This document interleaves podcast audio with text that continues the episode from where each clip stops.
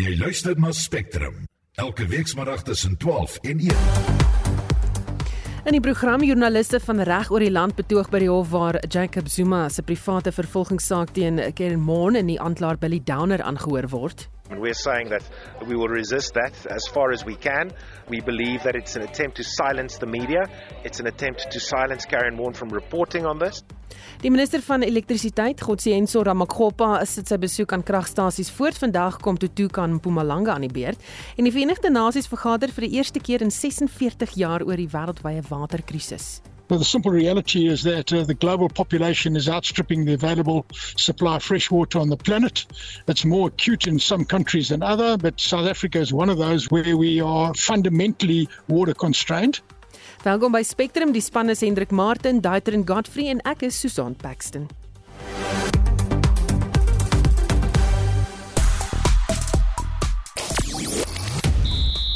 Die All Blacks kondig 'n nuwe breier aan, maar Reiser Robertson sal eers na die rugby wêreldbeker met sy werk begin. Sundowns en Marumo Gallants bou 'n lekker kontantkassie danksy hulle deelname aan die CAF Kampioenligga en die Proteas slyp hul tande vir wat voorlê, outomatiese kwalifikasie vir die eendag wêreldbeker. 'n Volledige bulletin volg net na 12:30.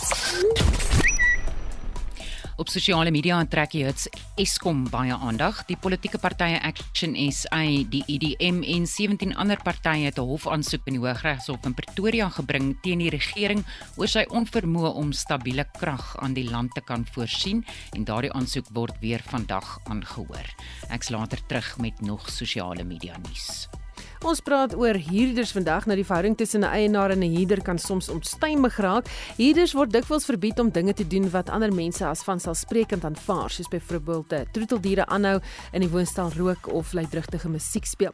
Nou wat gemaak as jy 'n huurder het wat wil rook in jou huis of woonstel? Wel, volgens Rowan Terry, regslede van TPN Kredietburo, tensy jy dit nie in 'n huurooreenkoms uitgestipel het nie, kan jy niks doen nie. So what you would need to do is actually before you start um your rental transaction with your tenant, you would need to actually stipulate if you don't want them to smoke cannabis or smoke anything really in the in the property, whether that's normal cigarettes or electric cigarettes, that you would stipulate in your lease agreement that it is a non-smoking unit. If you have stipulated in your lease agreement that it is a smoking unit, then your tenant is completely entitled to smoke cannabis or cigarettes or electrical cigarettes within the privacy of their own property. Nou ons wonder wat jou verhouding met jou verhuurder is of dan jou huurder as jy die eienaar van die plek is. Dalk het jy interessante staaltjies om te vertel. Stuur 'n SMS na 45889 teen R1.50. Praat saam op Monitor en Spectrum se Facebookblad of stuur vir ons 'n stemnota na 0765366961. Jy luister na Spectrum elke weekmiddag tussen 12 en 1.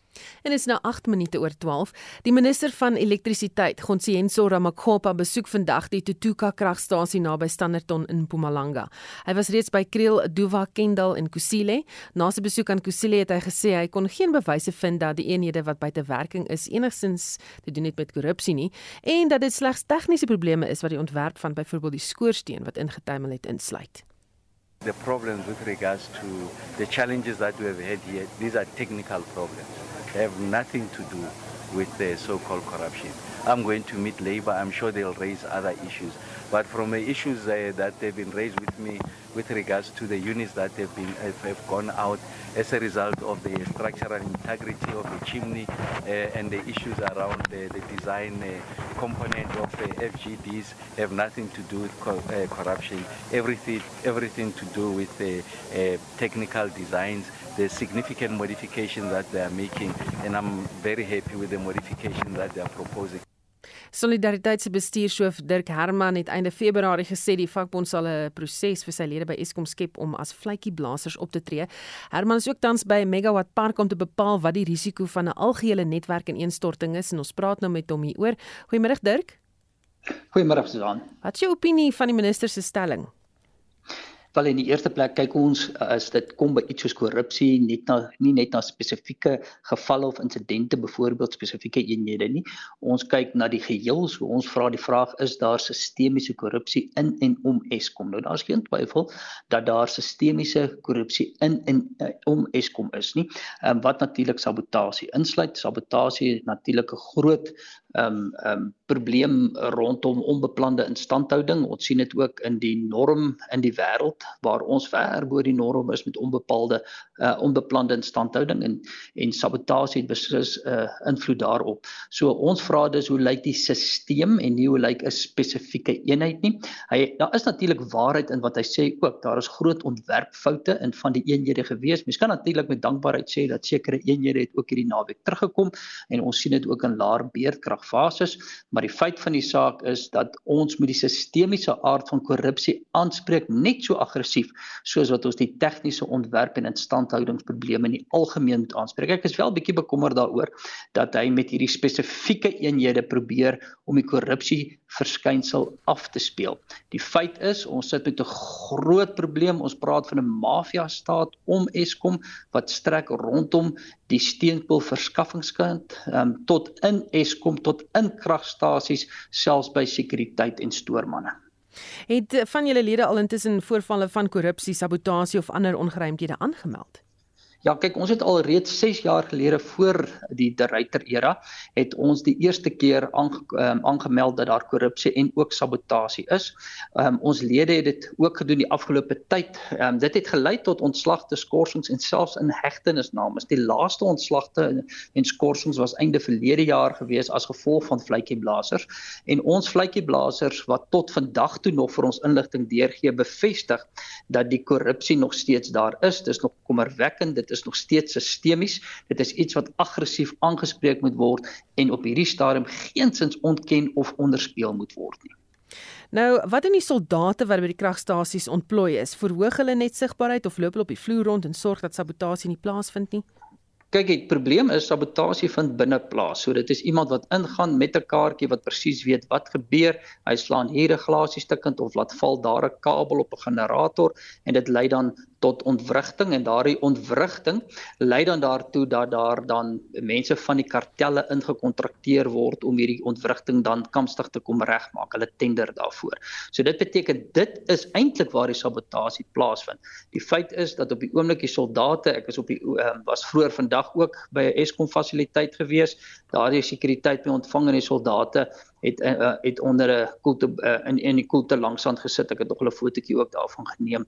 Ehm um, die probleem op hierdie stadium is by van die kragstasies is hulle hoogstens ehm um, ehm um, betrokke by sekuriteit en ontvangs van persone. Hulle is maar ehm um, maar hekwagte. En ons probleem is die kragstasies se terugvoer is hulle is so swak toegerus dat die kragstasies self koop vir hulle kos, moet vir hulle petrol gee vir hulle voertuie, hulle patrolleer nie. Op die oomblik is dit maar 'n politieke ding. Hulle het geen invloed op hierdie stadium vir in die bestryding van korrupsie um, aan die aan die weermag kant nie ongelukkig nie. Die antwoord is natuurlik eerder in die polisie kant want ons soek ondersoeke en ons soek dan ehm um, um, vervolgings en daardie ondersoekeenhede moet kom uit die polisie uit en daar is versterkte kapasiteit op oomblik in die polisie waarvoor ons wel dankbaar is. En sê vir my, uh, sê dit die minister in die nuwe bedryfshoof uh, Kalib Kasim aangestel is, uh, was daar 'n merkbare vermindering aan beerdkrag? Is dit net oor die eenhede wat terug is?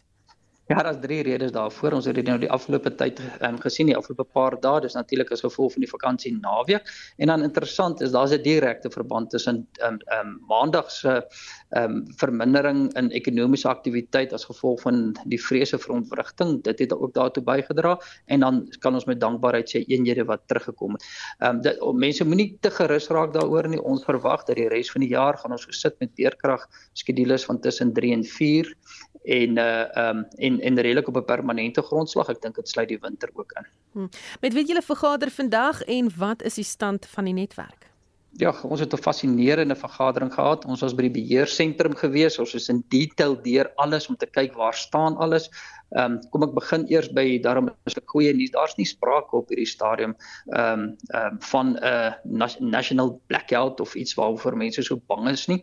Onthou ehm um, so afsluiting swaar ehm um, 'n blackout het ehm um, dikwels te doen met 'n insident wat eintlik in die distribusiekant sit, nie noodwendig aan die kragopwekkingskant nie. Hulle beheer die die die ehm um, uh die, aan die opwekkingskant die vraag ehm um, op die oomblik baie goed die vraag en dan die behoefte baie goed hierso en die indruk wat ons gekry het is regtig mense wat ongelooflik kundig is wat die beheer betref en daarvoor het ons ongelooflik dankbaar dat nog soveel kundigheid in die beheer sentrum um, kant is en wat ons ook hierso gesien het is dat die absolute toename in privaat kragopwekking en dit gaan groot verligting bring in 18 tot 24 maande se tyd. Baie dankie dit was solidariteit se bestuurshoof Dirk Herman. 'n Volbank regters in die Hooggeregshof in Pietermaritzburg het vanoggend begin om teenargumente aan te hoor van die regsverteenwoordigers van advokaat Billy Downer en die News24 joernalis Karen of Karen Amon om oud-president Jacob Zuma se private vervolging teen hulle te staak. Zuma beskuldig Downer daarvan dat hy sy vertroulike mediese rekords aan Mon gelek het. Die hofdokumente is terwyl Zuma se wapentransaksie verhoor by die hof ingedien. 'n Groep joernaliste het ook vanoggend buite die hof betoog ter ondersteuning van Mon en sy de Klerk doen verslag. Downer's regspan het die week in die hof aangevoer dat dit nie hy was wat hofdokumente oor Zuma se mediese toestand aan Mon oorhandig het nie, maar advokaat Andrew Breitenberg SC. Breitenberg het Downer op sy beurt daarvan verwittig. Downer voer in sy betoogshoofde aan dat die private vervolging 'n misbruik is van die hofproses. Dit is ook die mening van die strafregkenner advokaat François Botha. Dit was derentyd nog advokaat Downer se standpunt in sy saak gewees dat hierdie spesifieke dokument nie deur hom enigsins uitgelek is aan die pers soos wat meneer Zuma graag wil hê uh, dit moet lees nie. Hierdie betrokke dokument is niks anders as net bevestiging van wat meneer Zuma se mediese toestand op daardie stadium was. Daar is absoluut niks geprivilegeer daarin nie. Dis nie 'n dokument wat nie vir ander mense se oë bedoel was nie. Dit was derentyd nog in die publieke domein gewees. Dis duidelik dat meneer Zuma is hier op soek na 'n speld in die hooi nie. Hy het nie die regte vis aan die hoek nie. Mon voer in haar betoogshoofde aan dat sy Breitenberg vir die hofdokumente gevra het ter voorbereiding van 'n hofsaak die volgende dag met die verstandhouding dat hofdokumente openbare dokumente is.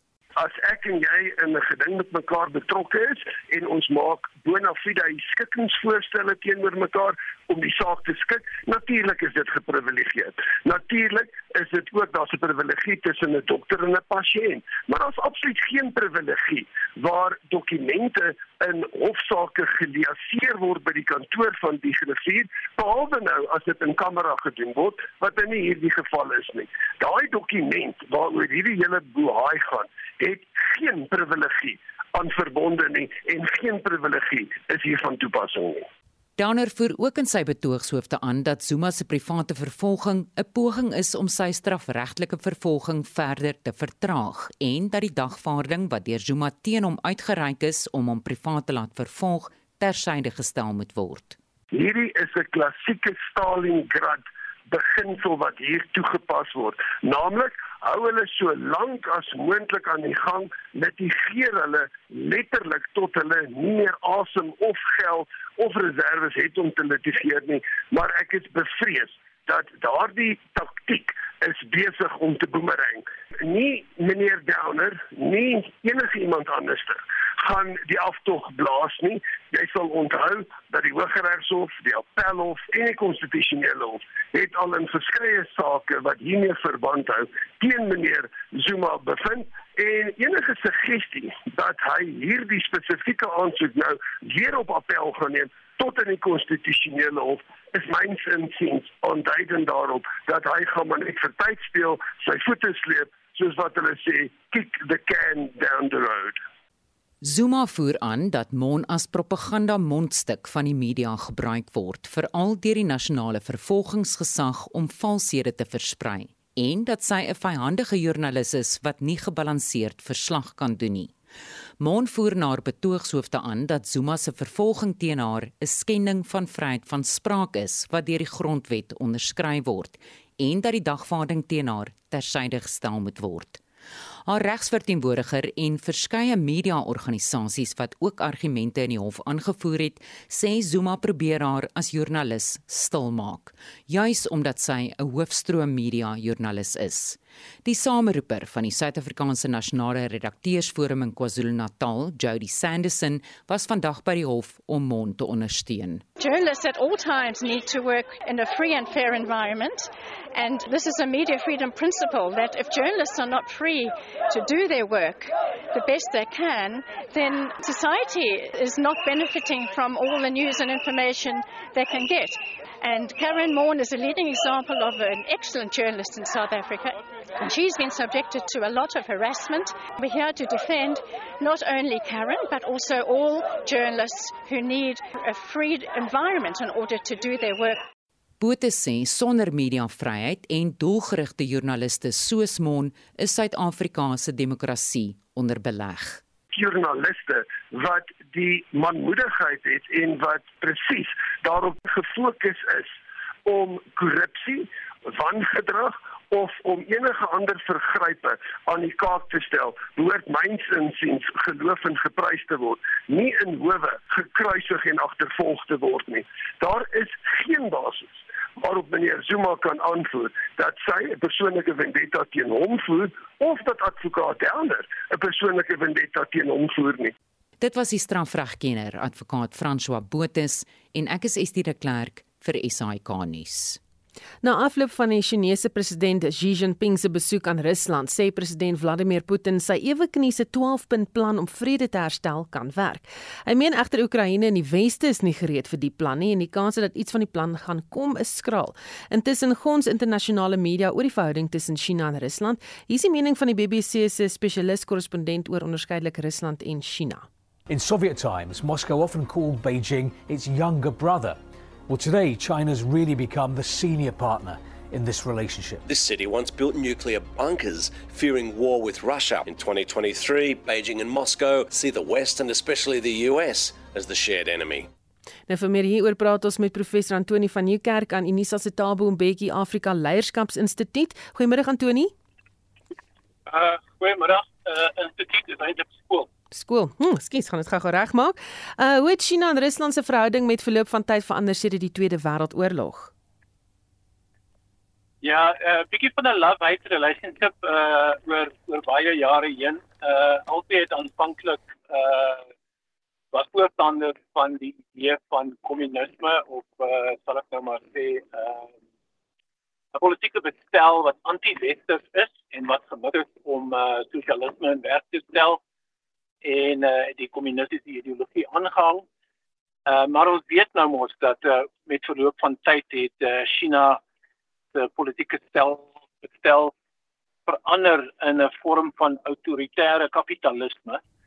En ek sou sê dat Rusland se politieke stelsel en ideologiese oortuiging verander na ehm um, so van maffia kapitalisme as jy wil. Uh in van die oorspronklike kommunistiese ideologie het min oorgebly dit was 'n dryfveer geweest vir baie lande in die ontwikkelende of die derde wêreld, ons noem dit nou die globale suide om ondersteuning om ondersteuning te kry om ontslae te raak van die koloniale juk.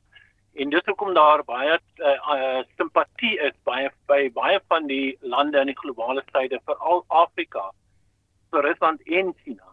En uh, dit lyk vir my dat die manier waarop die uh, internasionale toneel ontwikkel uh, gaan beteken dat Rusland en China nader aan mekaar beweeg en dat hulle baie bondgenote in die globale suide gaan kry en dat ons inderdaad 'n uh, soort van 'n nuwe koue oorlog in die oos staar waar die weste wat deur die Amerikaanse buitelandse beleid gedryf word in die oog gestaar gaan word teen 'n verenigde so van 'n uh, flank as jy wil van lande wat uh, saamwerk met China.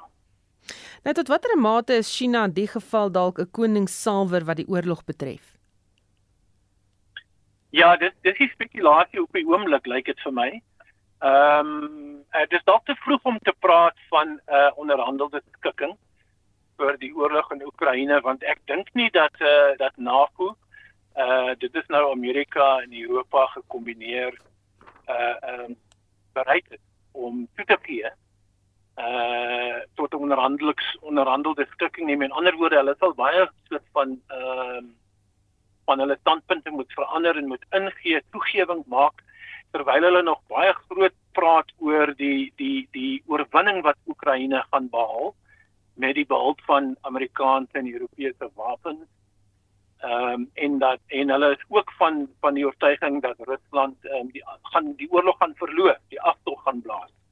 En as jy my vra was dit jy die rede hoekom China en uh Rusland agter die skerm nouer met mekaar saamwerk om hierdie tipe van westerse arrogansie uh teen te staan en te sê maar daar gaan nie 'n uh, uh, enkele oorwinnaar uit hierdie konflik tree nie. Ons sal op 'n manier moet toegewings maak aan beide kante.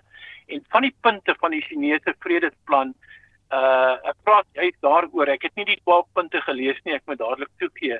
Maar ons weet min of meer dat die Chinese byvoorbeeld sê die die die hele sanksieveldtog van die weste teen Rusland sal uh sal op sy gespuis moet word as ons begin onderhandel. En dit is juist een van die punte wat die weste gebruik, uh, strategieë wat die weste gebruik om die Russe op hulle knieë te dwing. Ek kan my nie voorstel dat die een op die ander kant op hierdie oomblik van toegewings maak, onttrek, sanksies opgee en begin vrede praat nie. Almal is nog baie oorlogsugtig van oortuiging. Ons minister van verdediging is nou ook in Rusland om met Putin te vergader. Hoekom en wat sê dit van Suid-Afrika se posisie? Ja, uh, mense betwyfel of Suid-Afrika werklik waar uh, neutraal staan of onverbonde is in die konflik. Die die amptelike lyn is dat uh, Suid-Afrika uh, 'n voorstander van 'n onderhandelende skikking in die konflik, maar ons weet dat volgens van historiese en ideologiese redes dat uh, dat meer ehm uh, dat meer simpatie met die Chinese en met die Russe as met die Amerikaners of die Europeërs. Uh, nou in Suid-Afrika is ingebind in die BRICS-alliansie eerder as die NAVO-bondgenootskap. So dit is nie moeilik om uit te werk waar Suid-Afrika werklik waar wil staan nie.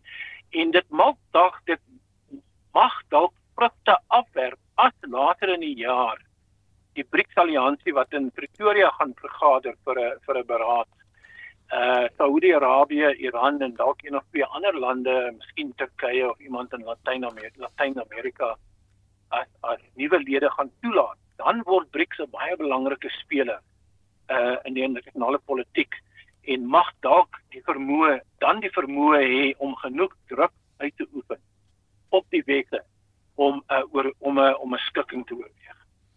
Baie dankie. Dit was professor Antoni van Nieuwkerk aan Unisa se Thabo Mbeki Leierskapskool. Miljoene mense wêreldwyd het nie toegang tot skoon water nie en die probleem gaan baie groter word in die toekoms. Dis die waarskuwing wat aan mense wêreldwyd gerig is by die Verenigde Nasies se waterkonferensie wat vir die eerste keer in 46 jaar gehou word. Die wetenskaplike en waterkenner Anthony Turton sê dat hierdie konferensie en skielike waarskuwing geen verskil aan die waterprobleem gaan maak nie. The growing body of uh, scientific peer-reviewed literature is un- irrefutable. But the simple reality is that uh, the global population is outstripping the available supply of fresh water on the planet. It's more acute in some countries than other, but South Africa is one of those where we are fundamentally water constrained. I just uh, draw attention to work that was done by a mentor of mine, Dr. Marlon Falkenmark, who uh, a Swedish woman uh, who uh, uh, was originally involved in the first World Summit on Sustainable Development, and at that point in time already, her work was on uh, what is known as a water scarcity indicators. So as far back as the first World Summit on Sustainable Development, already there she had shown that no country was capable of living beyond a finite limit, and South Africa was fast approaching it at that point in time. In certain parts of South Africa, are two to three times over that limit already. So, in terms of global standards, South Africa is fundamentally water constrained, but we've known about this for at least two decades now. Dit en waarsku dat dit nie politici is wat hier met 'n oplossing vorendag gaan kom nie. I think part of the problem in South Africa is that we tend to believe that politicians have the ability to solve problems. Politicians don't have the ability to solve problems. In fact, I put out a challenge now to one politician, just one politician, to go into a, to a one-on-one debate to demonstrate their understanding of water. They simply don't understand it. So they think that if they, they can just create an interministerial committee or some kind of decision by some politician somewhere is going to change the outcome. It's not. The fundamental reality is that in 2002, South Africa became a water constrained economy. That's the reality. And the reality is that by 2035, we need to recycle every unit of water in South Africa at least 1.6 times uh, if we're going to create economic growth. So you know, that's, that's a simple reality. South Africa is a fundamentally water and now energy and also capital constrained economy. This is the reality of the day. And this has got nothing to do with the ability of any uh, decision maker in government that's going to now suddenly come together and pass some resolution that's going to change it. Dit en sê dat die probleem nie 'n krisis te ontaard nie. All we have to do is step number 1 acknowledge that we are a fundamentally water constrained economy. Then step number 2 all we have to do is realize that we have a choice and that choice is to use every unit of water in the country 1.6 times by 2035 and then we're going to have enough water for the economy. But if we continue using water the way we are now where we take it, we make something with it and we discard the waste as poor quality water back into a river, that's not going to make it. And the other thing that's also very important is that government must stop blaming the consumer. They always shift the blame onto the user.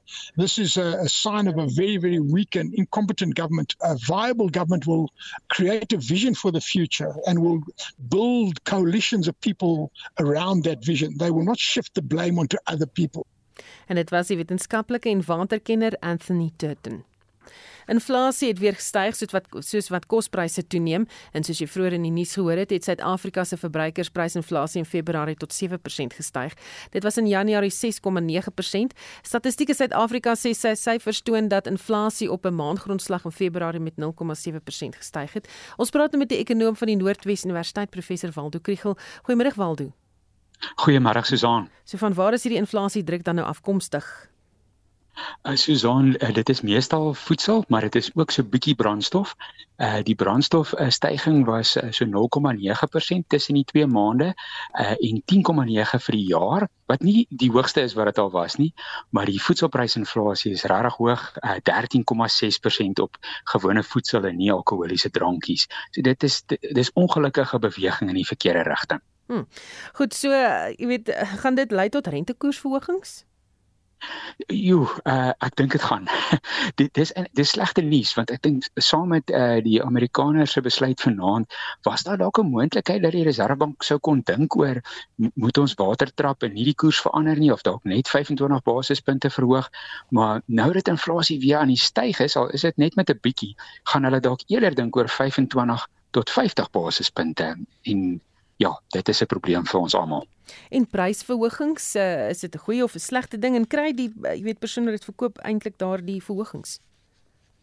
Dit is nou ek dink wat ons hierso sien is die, die primêre produsente van veral die voedselprodukte sien nie hierdie verhogings nie. Die boere uh, wat besenskaap verkoop graanpryse dit was eintlik so aksie laer oor die laaste klompie maande. Uh die wat ons hier sien is die groot voedselproduksiemaatskappye wat nou hulle stygende koste as gevolg van beerkrag stadig aan begin deurgee aan die verbruiker 'n klomp van hulle het die laaste ruk gewaarsku en gesê ja, hulle bestee nou al soveel miljoen rand per dag op diesel en op 'n stadium gaan dit moet bykom by by die prys van die produk en ek dink ons sien nou die begin daarvan vir hierdie jaar. Hm. Baie dankie en dit was 'n ekonom van die Noordwes Universiteit professor Waldo Kriel. Spectrum, jou middagnuusprogram op RSG. Suid-Afrika se verbruikersprysinflasie het in Februarie tot 7% gestyg, hoofsaaklik weens die stygings in die prys van voedsel en nie-alkoholiese drankies, behuising en vervoer. Die Tshwane Metro Raad se sitting om 'n nuwe burgemeester te verkies gaan binnekort voort en 'n Duitse brouery stel Kitsbier bekend, bly ingeskakel.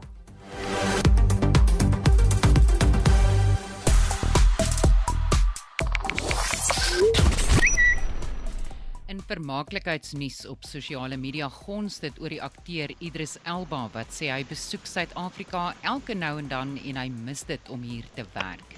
Elba sê Suid-Afrika het van die beste kreatiewe spanne op die Afrika vasteland.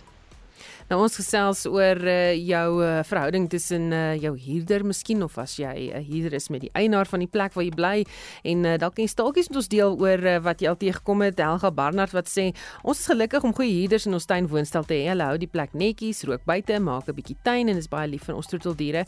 Die huur word betyds betaal en hulle werk spaarsaam met water en elektrisiteit. Dan Carlos wat sê huurder het van ons huis 'n Lucies huis gemaak, vier op mekaar beddens in een kamer en Jolanda Jamnek wat sê ons het voorheen in 'n tuinwoonstel gebly en uh, die krag was 'n groot storie. Het altyd betyds betaal, dis nou die uh, huur tot die eienaar die huur so erg verhoog het dat ons moes trek want hulle was in die knyp met die skuld. Weet nie of almal wat plekke privaat vir dit so erg verhoog nie, maar is bang om weer so te bly, sê die persoon. Jy kan steeds saamgesels en uh, dis nou op ons Monitor Spectrum Facebook bladsy. Jy kan 'n SMS stuur of 'n stemnota.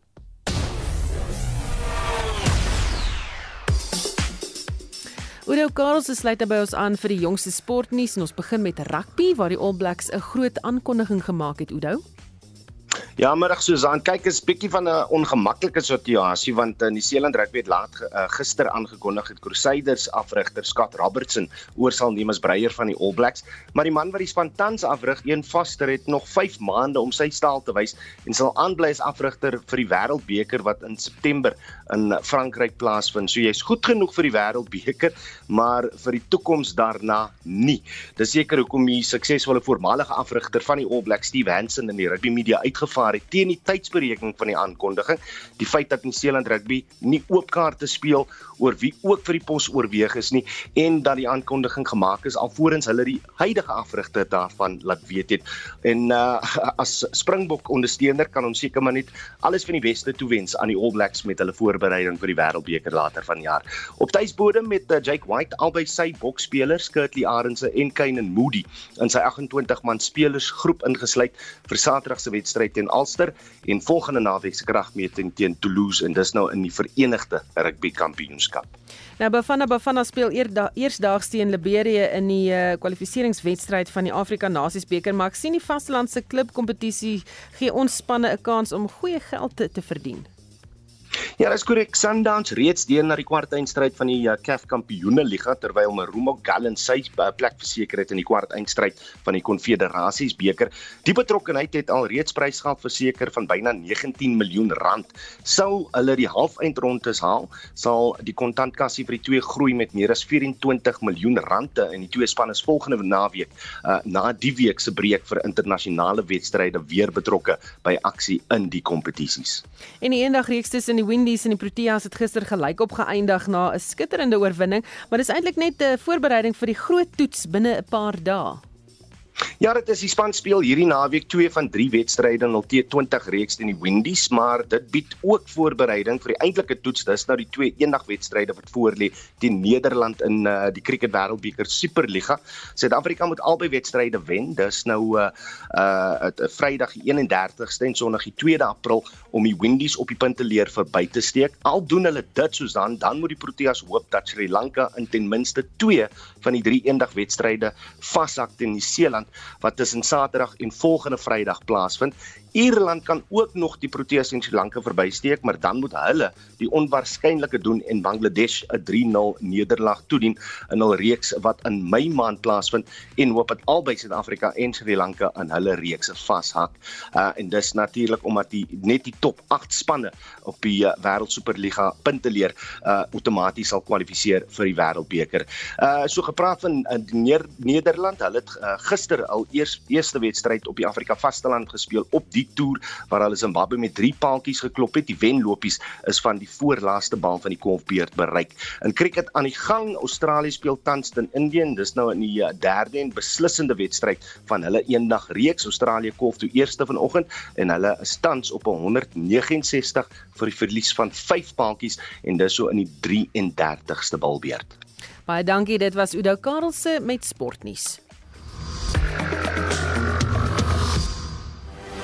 luister na Spectrum. Elke weekmiddag tussen 12 en 1. Dis 20 minute voor 1.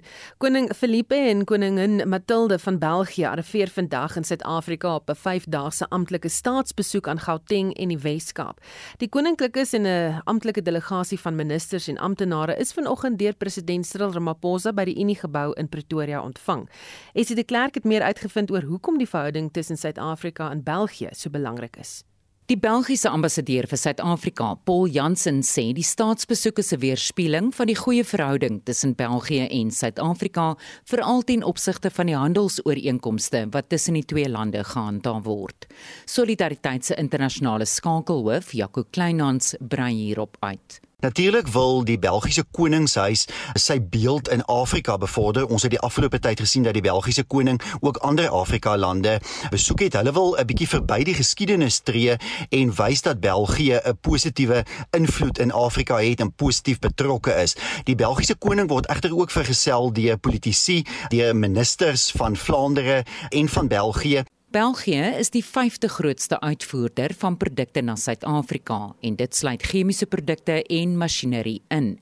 En België is die derde grootste invoerder in die Europese Unie van goedere uit Suid-Afrika wat chemiese produkte, vervoerprodukte en edelgesteentes insluit. Suid-Afrika het positiewe handelsbande met België. Ons voer 3 keer meer produkte uit na België as wat ons invoer en dit is 'n 'n hoë gehalte handelsbetrekkinge wat ons het, veral motorvoertuie wat uitgevoer word, belangrike minerale wat ons na België uitvoer.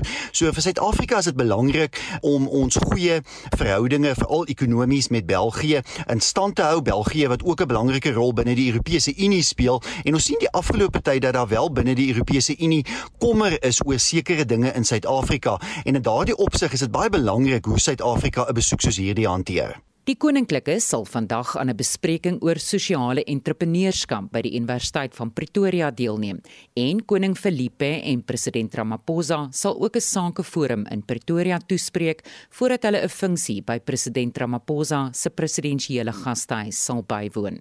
Vrydag sal die koninklikes onder meer besoek af lê aan Soweto voordat hulle Saterdag na Kaapstad vertrek.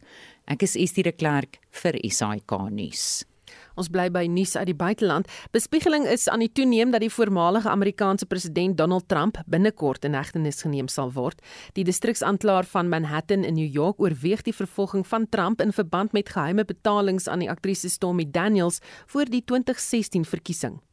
Daar is verskeie misdaadondersoeke wat Trump betrek aan die gang, soos sy besit van vertroulike dokumente in sy privaat woning en sy pogings om die uitslag van die 2020 verkiesing om te keer. Dit is egter die skandaal met Stormy Daniels aan wie daar glo geld betaal is in ruil vir haar sweye oor 'n beweerde seksuele verbintenis met Trump waaroor die land praat.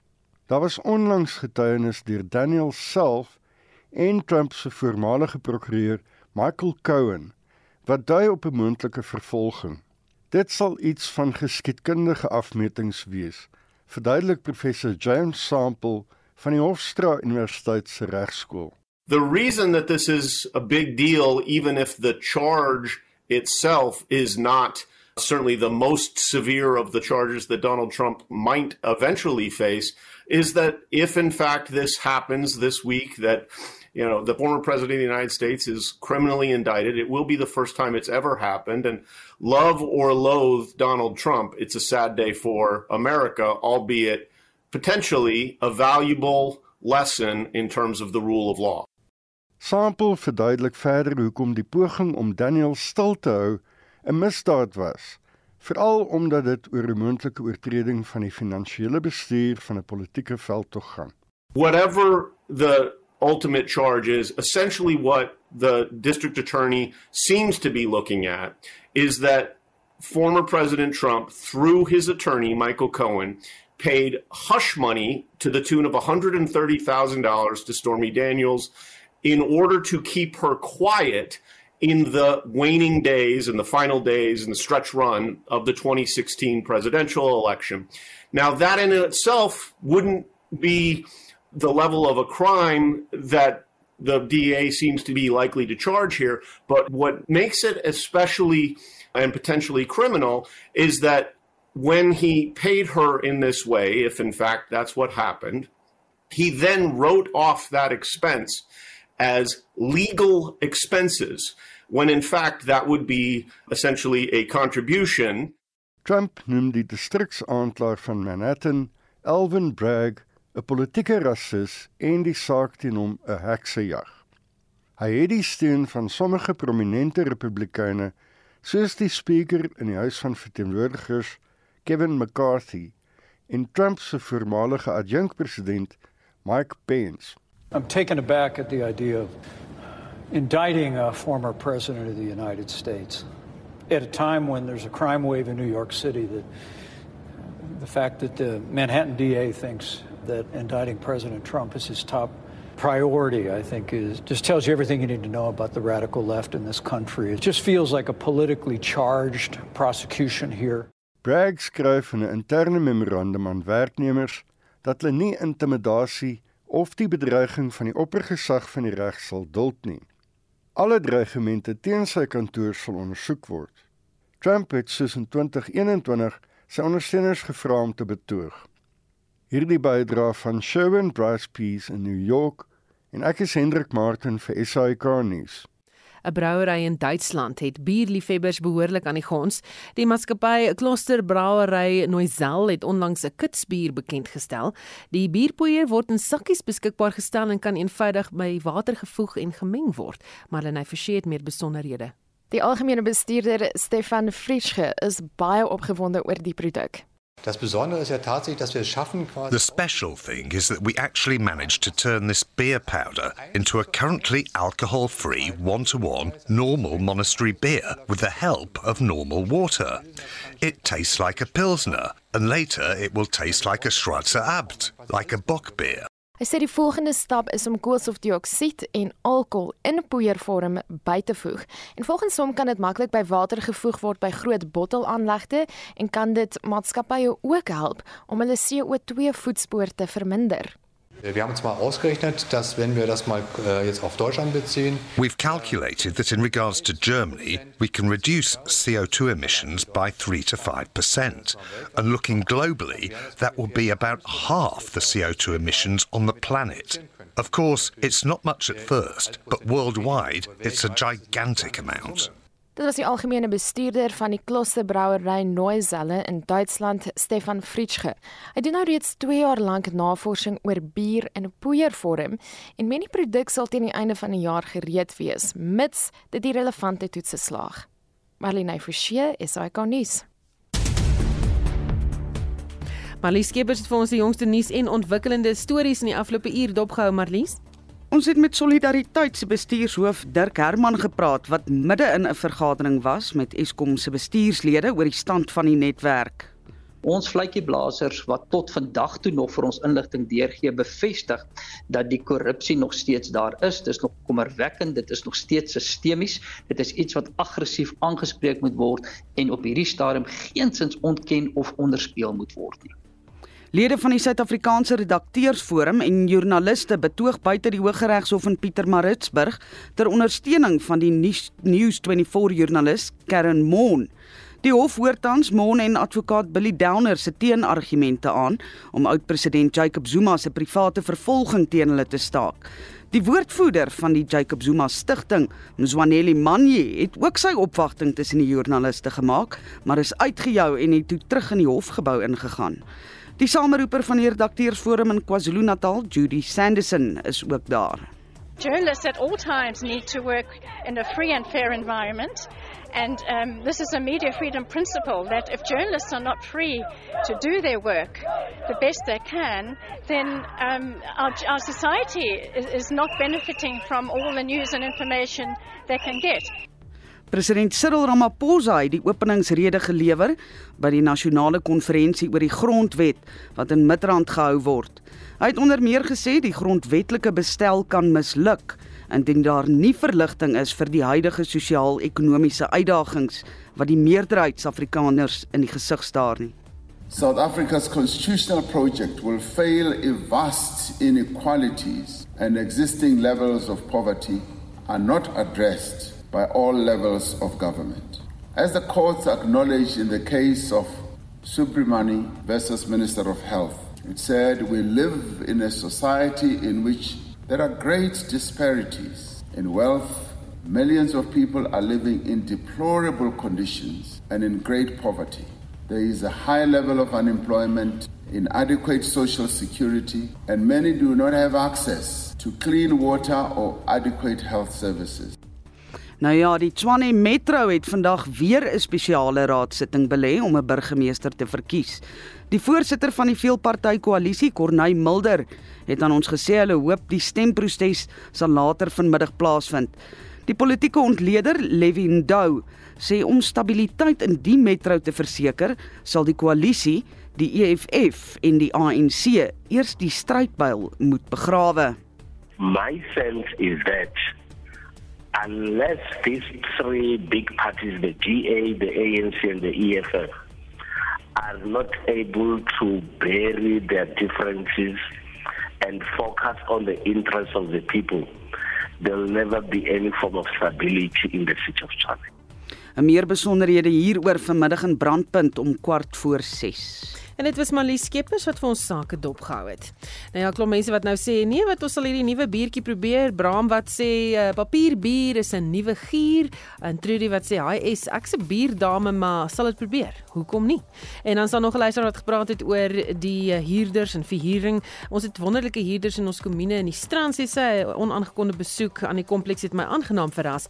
Veral die inisiatief om die tuin in stand te hou en te verbeter het uitgestaan en van ons kant af probeer ons om alle instandhoudingskwessies so gou as moontlik aan te spreek. Dis Naomi de Wet wat vir ons laat weet het daarvan. Dan groet die Spectrum span, eh, die uitvoerende regisseur is Nicoline de Weer, redakteur Hendrik Martin en ons produksieregisseur Daitrin Godfrey. My naam is Susan Paxton. Geniet jou middag.